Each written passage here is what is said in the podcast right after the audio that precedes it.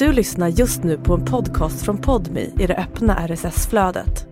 För att få tillgång till Podmis alla premiumpoddar helt utan reklam, prova Podmi Premium kostnadsfritt. Ladda ner appen i App Store eller Google Play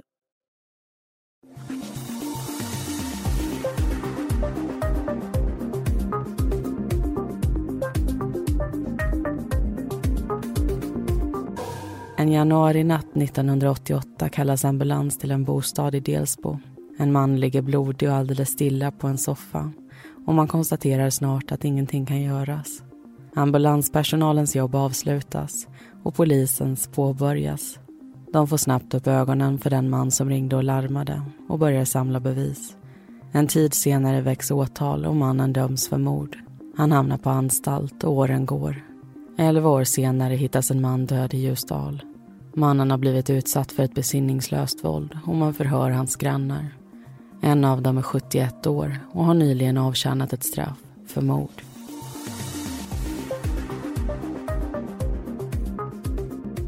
Du lyssnar på Mordpodden, en podcast om den mörka verkligheten. I veckans avsnitt ska du få höra berättelsen om Sveriges äldsta livstidsfånge.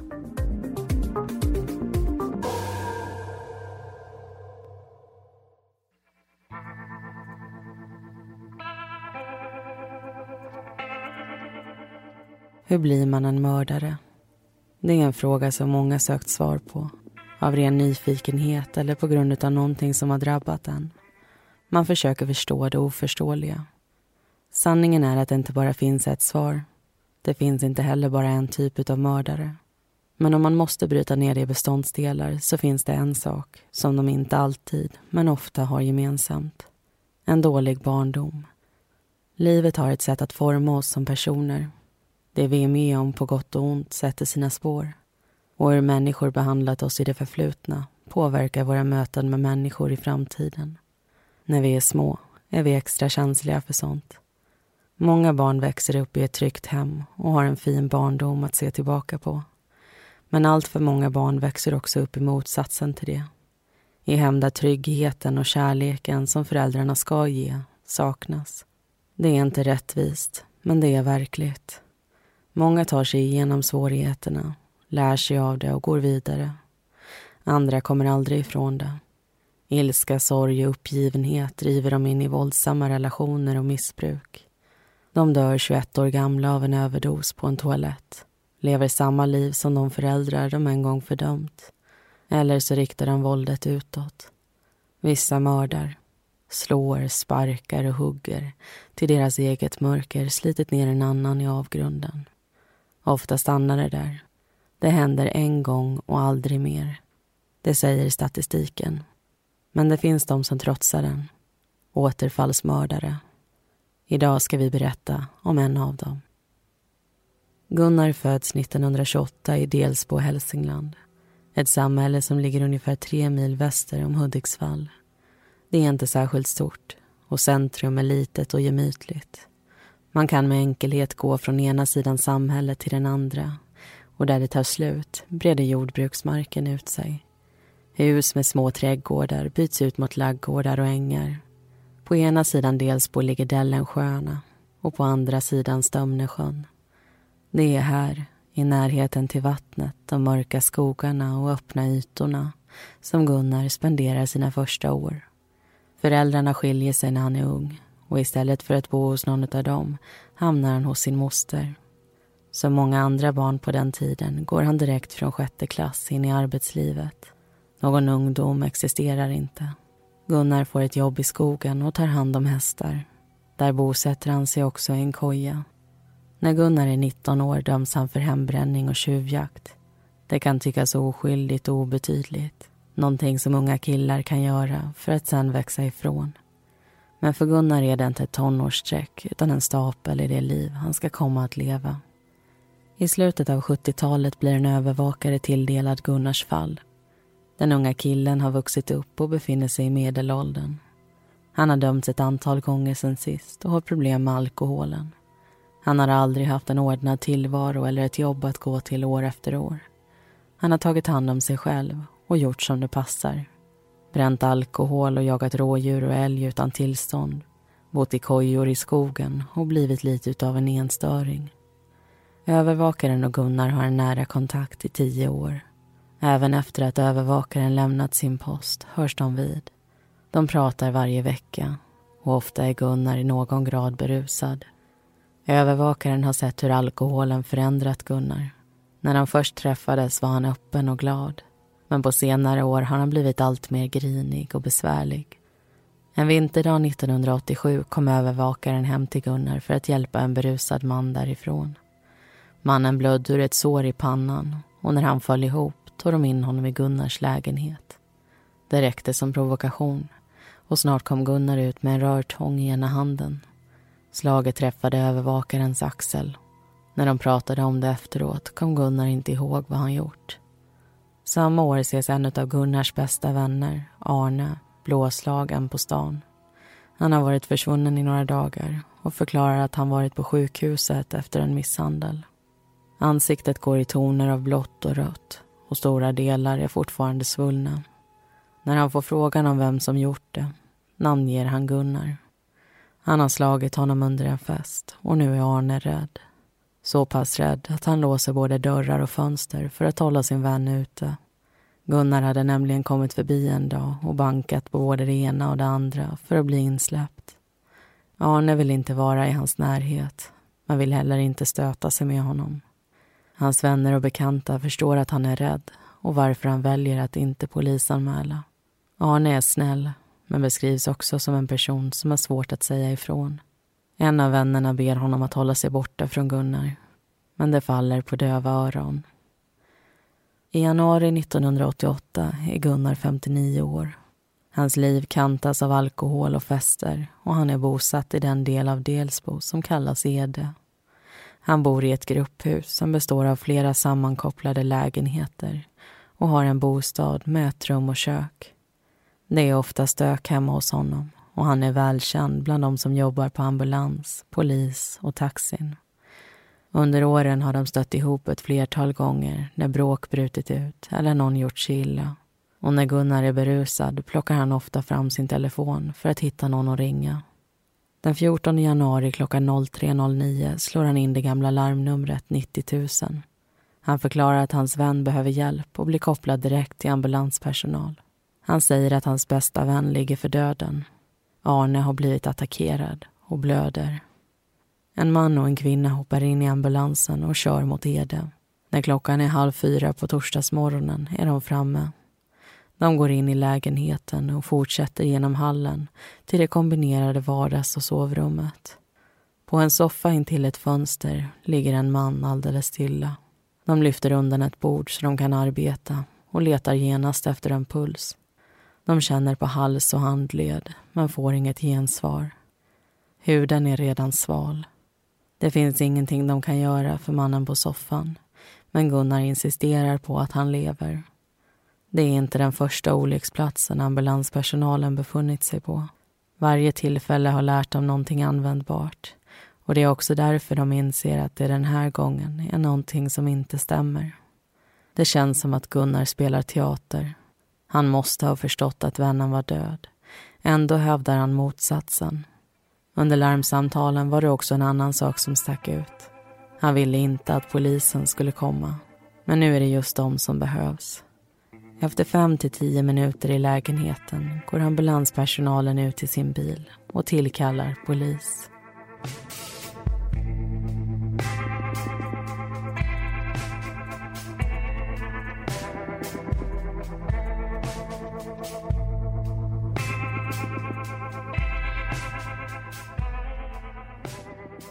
Då får vi säga välkomna till ett nytt avsnitt och den första diskussionen i det här avsnittet som vi alltså har valt att kalla för Sveriges äldsta livstidsfånge. Och vi har fått en del frågor om det kommande året, hur det kommer se ut och det är ju ganska osäkra tider för många nu i och med coronaviruset och alla restriktioner som det innebär. Men vi planerar att köra på som vanligt för vi har ju väldigt tur på det viset med att vi, att vi har det här jobbet som vi har som inte blir så påverkat.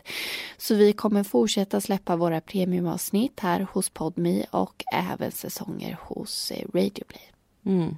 För det intressanta, precis som du var inne på med att eh, jobba just hemifrån som vi gör, det är ju att eh, det är inte så mycket som ändras utan det andra kallar för karantän, det kallar ju jag egentligen en vanlig jobbvecka. Så uteblivna mordpornavsnitt är ju ingenting som ni behöver undra över. Däremot ska vi säga att det kommer bli lite färre avsnitt eh, sammanlagt i år och det är ju på grund av eh, lite mammaledighet och sånt. Men om vi släpper det och går in på just eh, dagens fall och vi pratar lite om Gunnar så tänkte jag att vi ska diskutera den här misshandeln som Gunnars vän Arne utsätts för. Det blir ju aldrig någon anmälan kring det, det blir aldrig någon dom kring det, utan polisen får ju reda på det här först efter att mordet har skett, alltså när de gör sin mordutredning. Det är då det kommer fram andra saker som Gunnar är misstänkt för. Mm, och det är ju inte det enda de får reda på. De pratar också med två män som var med om något väldigt liknande när de besökte Gunnar hösten 1984 och början av 85. Den första mannen har känt Gunnar en längre tid. De har aldrig varit ovänner och ibland så, så träffas de och tar något att dricka. Och så var det även den här kvällen som han berättar om. Mannen blev trött och hamnade på Gunnars soffa. När han vaknade på morgonen så kunde han knappt se. Han tog sig in i lägenhetens badrum och ställde sig framför spegeln. Han såg inte speciellt mycket men han kunde konstatera att han hade ett svullet ansikte, spruckna läppar, brunröda partier och ögon som mer liknade springor än ögon kanske. Han åkte till sjukhuset och där fick han reda på att det rörde sig om brännskador i hans ansikte. Han blev inlagd och fick stanna där en vecka. Mm, och någon månad senare så händer det ju faktiskt någonting nytt i Gunnars lägenhet. Och nu pratar vi om eh, januari 1985 när eh, en annan vän till Gunnar kommer hem till honom med en flaska sprit. De här vännerna slår sig ner i köket, de dricker, de pratar och eh, den här mannen berättar att han somnar på Gunnars soffa. Mitt i sin sömn så rycks han plötsligt vaken. Han känner att någonting har kastats i hans ansikte, någonting blött. Och mannen hör också ett brak komma från Gunnars säng som om han precis har kastat sig ner där väldigt snabbt. Den här mannen får svårt att andas helt plötsligt och han springer mot eh, badrummet och han sköljer sitt ansikte. Och sen när han går ut så frågar han Gunnar varför han eh, gjorde som han gjorde men han får inget svar för då verkar det som att Gunnar sover. Och mannen lämnar lägenheten, han uppsöker läkarvård precis som den tidigare mannen. Och även han får höra att eh, det är brännskador vilket gör att man plockar in honom på avdelning för behandling. Och det var isättika som träffat de här männen i ansiktet. Och isättika det är en ättiksyra i sin mest koncentrerade form enligt Giftinformationscentralen vid Karolinska sjukhuset. Det är alltså med andra ord starkt frätande. Man kan få brännskador på huden och synskador om det skulle komma in i ögonen. Och dricker man det så kan man faktiskt dö. Och Gunnar har isättika hemma hos sig. Han berättar självmant att det är något man kan behandla vårtor med. Hans förklaring till vad som hänt är att båda männen vaknat, troligen törstiga och då råkat hitta och försökt dricka ur just den här flaskan. Men ingen av dem har frätskador i munnen. Och det borde de ju haft om eh, det var som han sa, att de var törstiga och faktiskt drack av det här. Utan de hade ju frätskador i, i ansiktena. Även om det är väldigt liknande omständigheter så döms Gunnar bara för den senare attacken. Och det beror på att det finns för många osäkerheter i det första. Mm. Och det här är ju som sagt det är brottslighet som man uppenbarar i och med mordet. Det händer alltså inte tidigare. Utan Gunnar döms för de här sakerna i samband med morddomen. Men vi ville ta upp det tidigare för att eh, prata om någonting som ändå känns som att det visar på ett mönster som sen leder fram till just det här mordet. Gunnars övervakare tycker ju att han har blivit mindre glad med åren. Han har blivit mer besvärlig. Eh, och 1984 så sker ju den här första isättika-attacken. Någon månad senare, 1985, så sker den andra attacken. 1987 så blir Arne misshandlad. Övervakaren blir slagen med den här rörtången. Och en kvinna i Gunnars närhet blir också misshandlad i året. Och den här kvinnan får sällskap av Gunnar en kväll. De dricker och han försöker få med henne in i sovrummet men hon säger nej. Det slutar med att han slår henne i ansiktet, på bröstet, benen. Överallt kommer hon senare beskriva det som. Och när hon får tillbaka medvetandet så är det polis och vårdpersonal runt henne. Gunnar förklarar för dem att hon attackerats av en specifik person. Han nämner ett namn och polisen åker ut och undersöker det här tipset och kommer sen tillbaka till Gunnar för det är där som misstankarna till slut landar.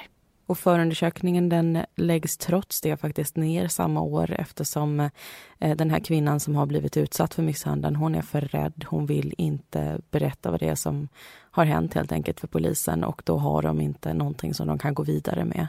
Men det plockas upp igen i och med mordet och då finner man att Gunnar var skyldig för då vågar hon berätta om eh, hela händelsen.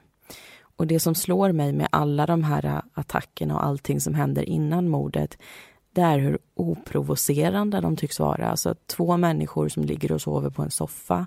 En kvinna som säger nej till sex och en övervakare som bara tar in en skadad person i Gunnars lägenhet ett litet tag. Och det är ju väldigt olika trösklar för olika personer när det kommer till våld. Men Gunnars verkar ju uppenbarligen vara väldigt låg när han har druckit alkohol. Och polisen misstänker att han även ligger bakom Arnes mord. Det är ju ännu en person som attackerats på hans soffa. Men har de rätt? Det ska vi få höra nu i berättelsen.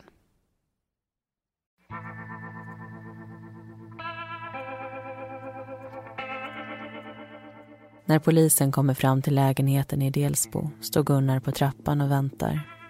Ambulanspersonalen är kvar och leder de två poliserna in i bostaden. De berättar vad de vet om Arnes dödsfall och förklarar hur det såg ut när de kom in. Hur Arne låg och hur bordet stod innan de flyttade på det. Överallt råder oreda. Kläder ligger i högar på golvet och utplacerade på möbler.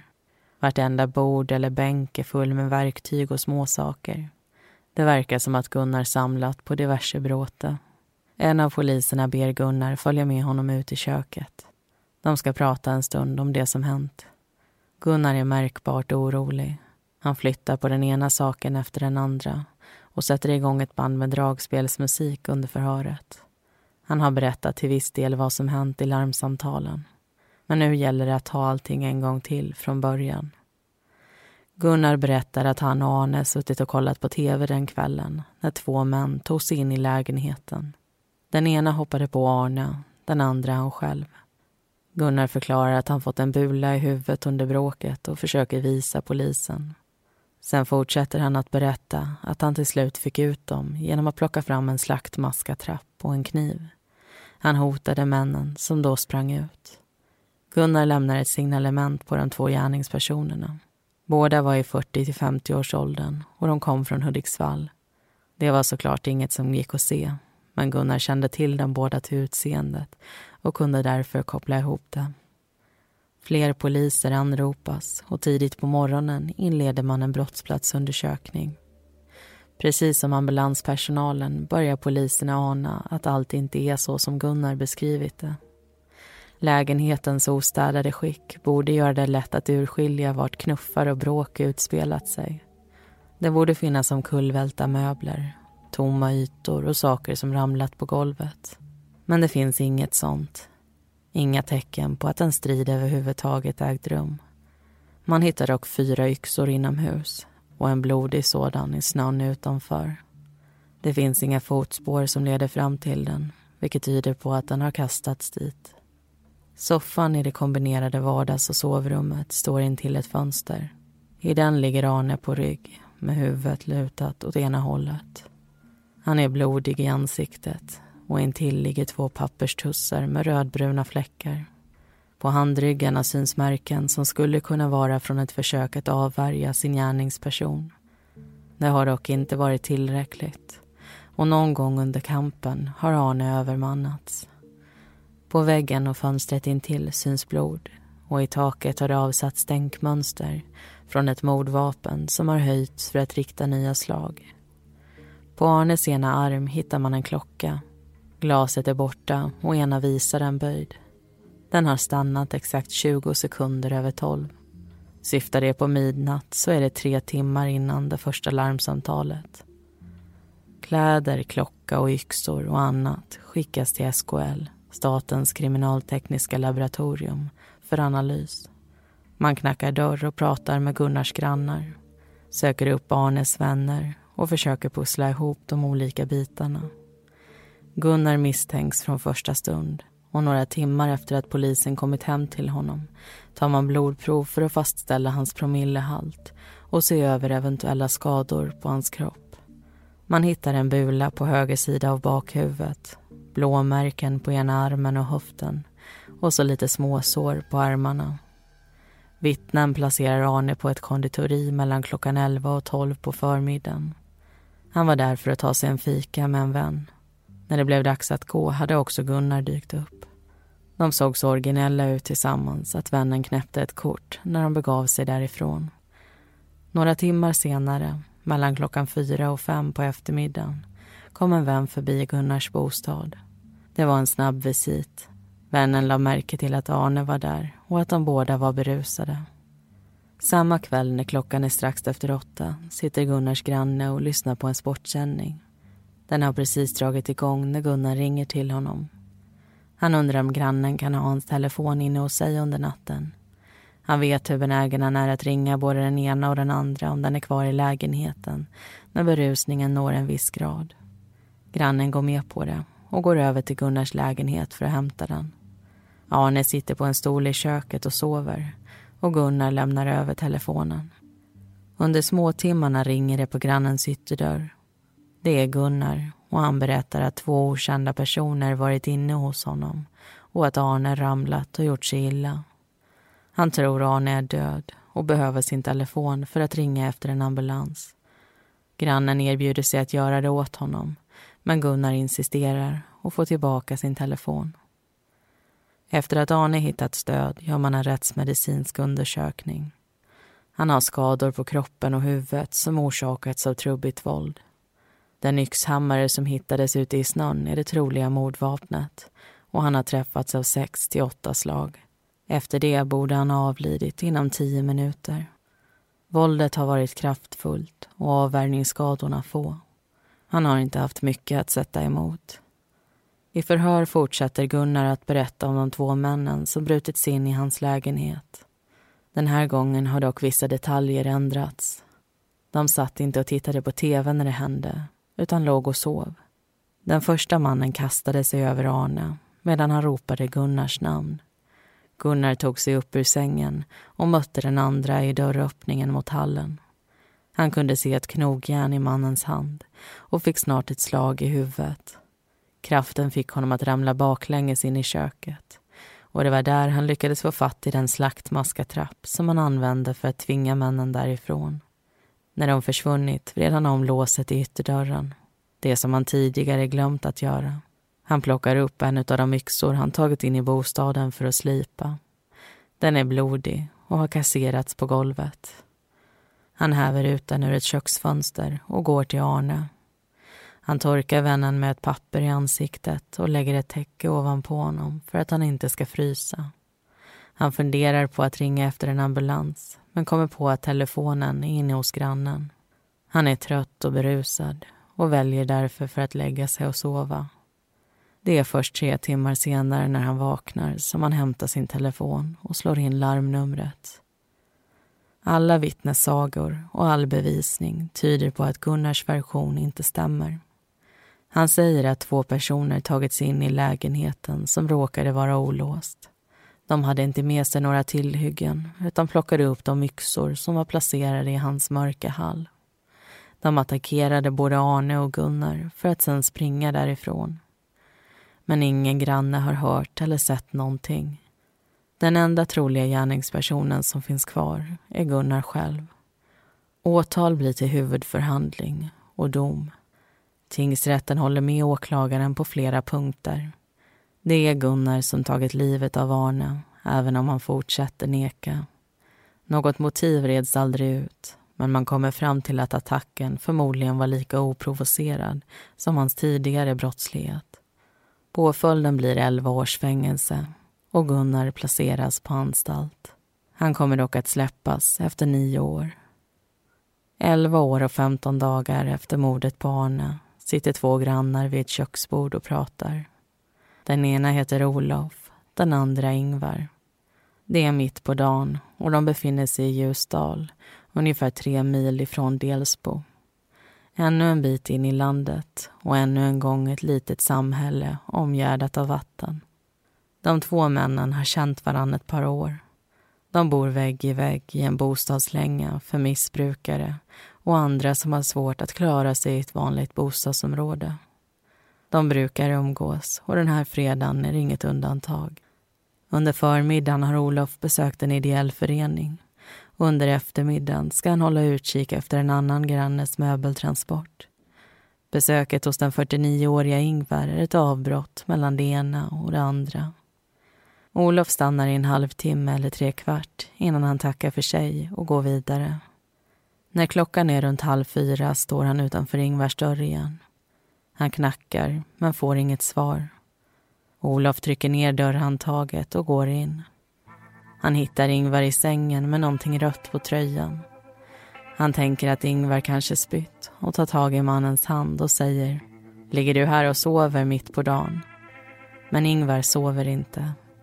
Han är död.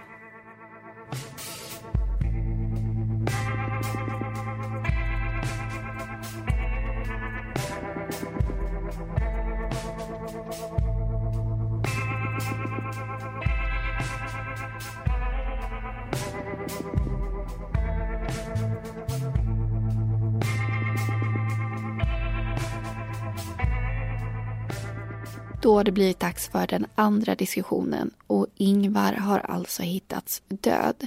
Och jag vill att vi börjar med att prata om återfallsmördare, alltså människor som Gunnar som mördar en gång och sen bestämmer sig för att mörda igen. Och det är något som är väldigt ovanligt tack och lov, men därför ser det också lite fascinerande.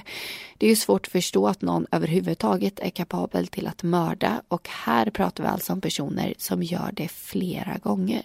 Mm. Och jag vet att vi har nämnt någon gång tidigare att jag har ett eh, krimarkiv. Eh, jag samlar på domar, jag samlar på förundersökningsprotokoll eh, och andra dokument som jag behöver i mitt jobb. Och precis som du säger är återfallsmördare inte vanligt förekommande.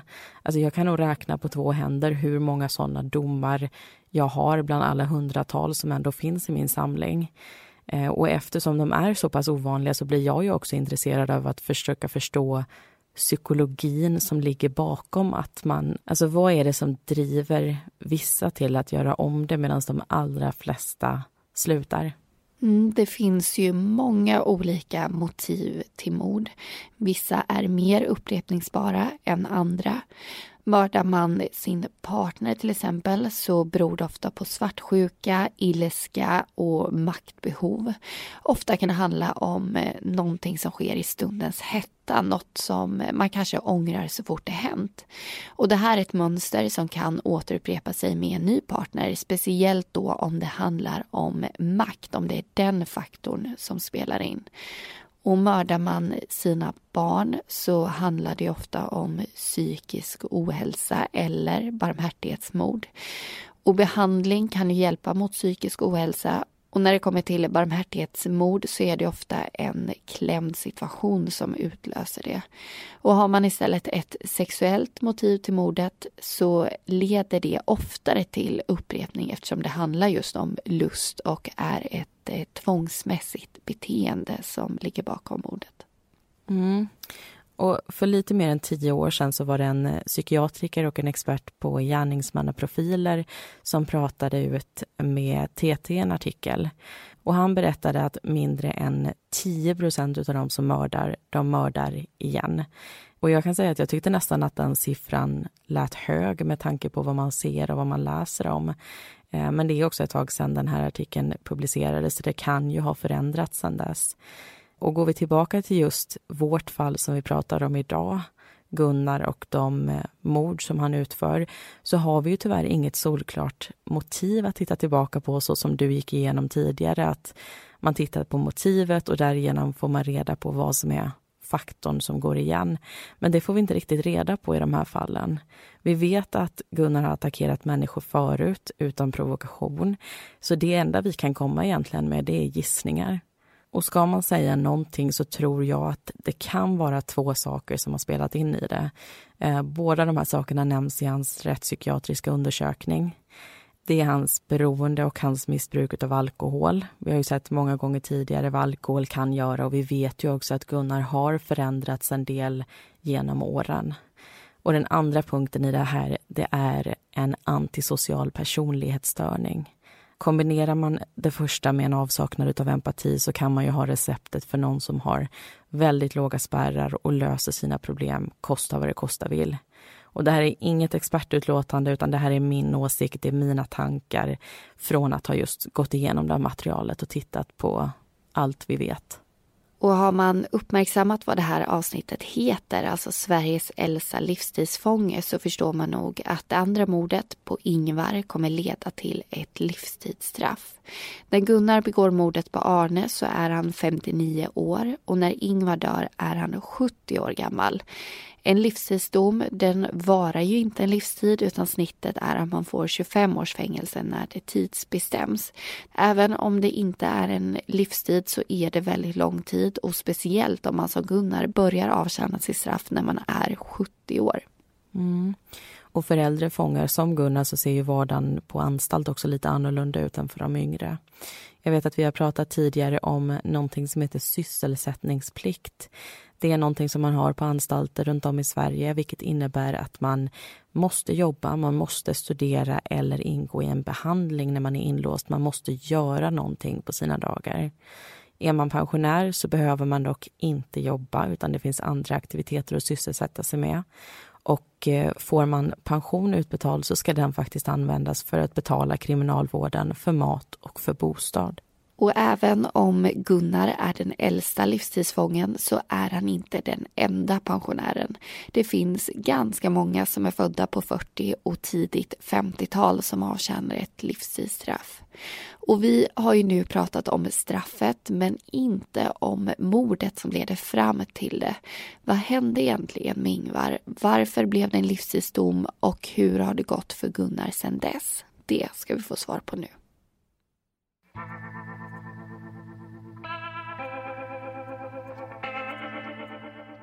Efter att Ingvar hittats livlöst i sin säng tillkallas polis. De dyker upp vid bostadslängan i Ljusdal strax innan fyra på eftermiddagen. Vissa går in i lägenheten som nu betraktas som en brottsplats. Andra ser sig om i närområdet och pratar med Ingvars grannar. Det är viktigt att samla ihop dem. Inte bara för att få reda på vad de vet utan också för att se till att ingen lämnar platsen. Olof berättar hur han och Ingvar träffats tidigare under dagen och att det var han som fann vännen död. De knackar också på i den andra bostaden som ligger vägg i vägg med Ingvars. Mannen som öppnar är i 70-årsåldern och kraftigt berusad. Han har på sig underkläder och en tröja, är pratsam men ger samtidigt inga vettiga svar. Polisen antecknar namnet, Gunnar. Inne i Ingvars sovrum dras rullgardinen ner för att förhindra insyn. Kroppen ligger fortfarande kvar och en av poliserna tycker sig se avvärjningsskador i ena handen. När han klivit ut ur bostaden lägger han också märke till någonting annat. Ett par byxor ligger på marken i ett hörn. Backen är klädd i snö, men inga fotavtryck syns så troligen har byxorna kastats dit. En ordningsvakt rapporterar att en jacka också hittats mellan en soptunna och en vägg. Jackan är fullt synlig, men det känns ändå som att någon gjort ett tafatt försök att gömma den. Ordningsvakten får i uppdrag att vakta plaggen och se till att ingen vidrör dem. När kriminaltekniker dyker upp går man återigen in i Ingvars lägenhet. Det är ordningsamt där och ett par skor står prydligt uppställda vid sänggaven. Ingvar har flera skarpkantade skador på överkroppen. Det ser ut som knivhugg. Hans tröja har sugit upp det mesta av blodet och det finns bara ett fåtal stänk på golv och väggar. Man hittar också två blodfläckar i köket, på diskbänken och en timer. Att blodet hamnat där kan bara förklaras genom att någon fört det dit. En trolig kandidat är Ingvars gärningsperson. I diskhon hittar man också en morakniv. Bevisningen som plockats ihop tas i beslag och delar skickas för analys till Statens kriminaltekniska laboratorium. Poliserna bestämmer sig också för att plocka in fyra personer till vidare förhör. En av dem är Gunnar. Han får sällskap i lägenheten ytterligare en gång. Den här polisen lägger märke till någonting som föregående missat. Det blöder från Gunnars ena tå och varje steg han tar avsätter ett blodigt avtryck. Polisen ber Gunnar klä på sig så de kan åka iväg och den 70-åriga mannen gör sig redo. För att förstå vad som hänt Ingvar försöker man få insikt i vem han var. De får veta att den 49-åriga mannen var rörelsehindrad och hade epilepsi och kunde få anfall. När han gick var det med skenor på benen och en rollator framför sig. Ett par gånger hade han trillat omkull hemma och sen hösten 1998 brukade hans brorsdotter komma förbi och hjälpa honom tvätta och städa. Bara dagen innan han dog var hon där och gjorde i ordning. Dammade, torkade av golv och bänkar och klippte hans hår. Det var så hon såg blåmärken på sin farbrors armar. Hon visste att han var rädd för en granne som hette Gunnar. En man som enligt flera knuffat Ingvar nerför en trappa föregående år. Efter det ville Ingvar inte bo kvar, men han hann aldrig komma därifrån. Samtliga personer som tagits in till förhör får uppge vad de gjort den dagen och hur de kände Ingvar.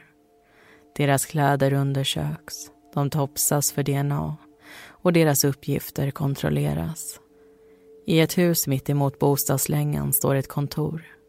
När poliserna pratar med en kvinna där berättar hon att hon har sitt arbetsbord intill fönstret och ofta brukar titta ut. Klockan tre på morddagen såg hon någonting märkligt. En man som såg ut som Gunnar stod intill en soptunna och tog av sig en jacka. Han släppte den till marken och när han vände sig om kunde hon se att gylfen på byxorna var öppen. Beskrivningen stämmer väl överens med de plagg som hittats utomhus.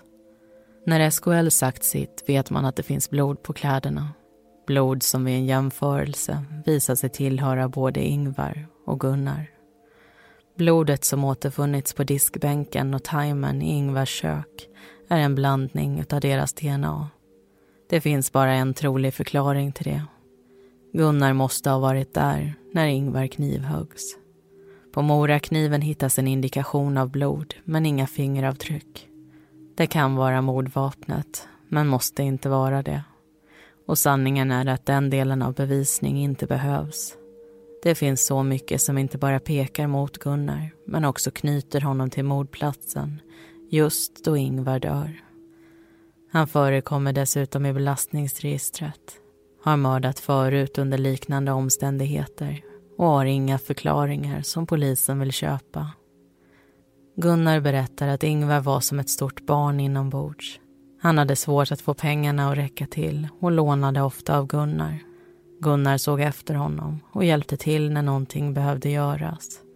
När Ingvar ville att han skulle komma över brukade han banka i väggen mellan deras bostäder. Någon gång hade Gunnar blivit arg på honom, ruskat om den 49-åriga mannen men han har inte mördat honom. Fredagen den 29 januari 1999, samma dag som Ingvar dör, kom de första bankningarna runt åtta på morgonen. Gunnar var trött och bakfull. Han hade varit på fest dagen innan för att fira en väns frigivning från anstalt. Han kände sig också hängig och trodde sig ha influensa. Ändå klev han upp och gick mot ytterdörren. På golvet stod ett bilbatteri och han slog i sin ena tå. Det började blöda genom strumpan och han fick torka upp på golvet innan han fortsatte in till Ingvar. Han stannade bara några minuter. Minns inte om han rörde vid någon timer men kommer ihåg att han spottade ut en snus vid diskbänken. Resten av dagen spenderade han inomhus för att bli kvitt sin förkylning. Byxorna och jackan som polisen hittat är hans. Gunnar säger att han måste ha tappat dem när han var och tvättade eller så slängde han jackan för att den var lortig. Hemma i hans lägenhet finns flera knivar av samma sort som den som hittas i Ingvars diskho. Inte heller det nekar han till. Han förklarar bara att de brukar användas vid fiske och jakt. Polisen är säker på att de har rätt man. De avslutar sin förundersökning och en åklagare tar det vidare till Ljusdals tingsrätt.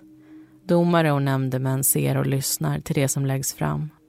De ställer frågor och går igenom den skriftliga bevisningen. När huvudförhandlingen avslutats fattar de sitt beslut.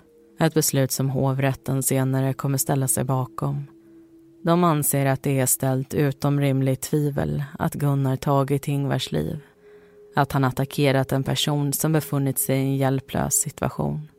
Han har riktat hugg efter hugg mot en man som legat i sin säng. En man som han tidigare hjälpt, men som också haft en stor rädsla för honom. Brottet har präglats av grymhet och verkar inte ha haft någon utlösande faktor. Det är det andra mordet som Gunnar begått. När man ser till helheten så finns det bara en passande påföljd. Gunnar döms till livstidsfängelse. Ett straff som sällan varar livet ut men som betyder att man till en början inte får veta hur lång tid man faktiskt ska vara inlåst. När nio år passerat skickar Gunnar in en ansökan om nåd. Regeringens jobb är att se till omständigheterna i fallet och neka begäran eller besluta om en ändring. De kan mildra en påföljd, korta ett straff eller rent av frige en person. En ändring är vad Gunnar hoppas på. Han anger sin höga ålder och sina hälsoproblem i ansökan. Sen är det bara att vänta. När svaret kommer är det dock inte vad han hoppats på. Han får avslag. Året därpå öppnar en annan möjlighet upp sig. Han är tio år in i sitt fängelsestraff och kan därmed ansöka om att få sin livstidsdom tidsbestämd. Snittet brukar landa på 25 år vilket innebär att man i praktiken sitter av två tredjedelar, alltså 16 år, innan det övergår till en villkorlig dom. Den första ansökan om tidsbestämt skickas in när Gunnar är 81 år. Han beskriver att han vill komma ut innan han dör. Men han vill inte hamna på något ålderdomshem utan bor hellre i en koja i skogen. Ansökan gås igenom och får avslag. När Gunnar är 83 år gör han och hans advokat ett nytt försök. De hoppas att straffet ska landa på 21 år. Gör det det så kan han vara ute inom två. Men ännu en gång får Gunnar nej. Proceduren upprepas när han är 84, 88 och 90 år. Gång på gång säger tingsrätt och hovrätt nej. De menar att även en gammal man med Gunnars personlighet och missbruk kan vara farlig för andra och pekar på hur han under alla sina år i fängelset nekat behandling för sin alkoholproblematik. Gunnar ser varje nekande som en dödsdom. Han är säker på att han kommer dö på anstalt. Även om han skulle få ett ja har kriminalvården sagt att utslussningen kommer ta två år. 2020 har Gunnar suttit fängslad i 21 år. Han har diabetes, hjärtproblem, hör dåligt och har fått delar av ena lungan bortopererad. En vän till honom talar till hans fördel i en av ansökningarna om en värdig ålderdom och en sista tid i frihet. Men hittills har den drömmen inte blivit verklighet.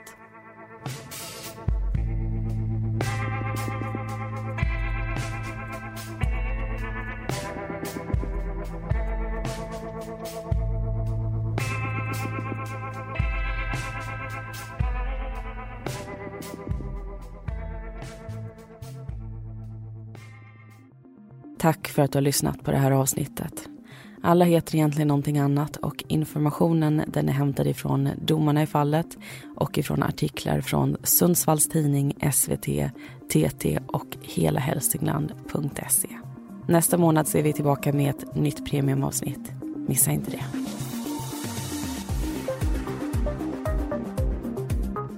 Vi som gör Mordpodden heter Linnea Bolin och Amanda Karlsson. Bakgrundsmusiken består av låtarna Lasting Hope, Lightless Dawn och Soaring av Kevin MacLeod samt Deep Space av Audionautics.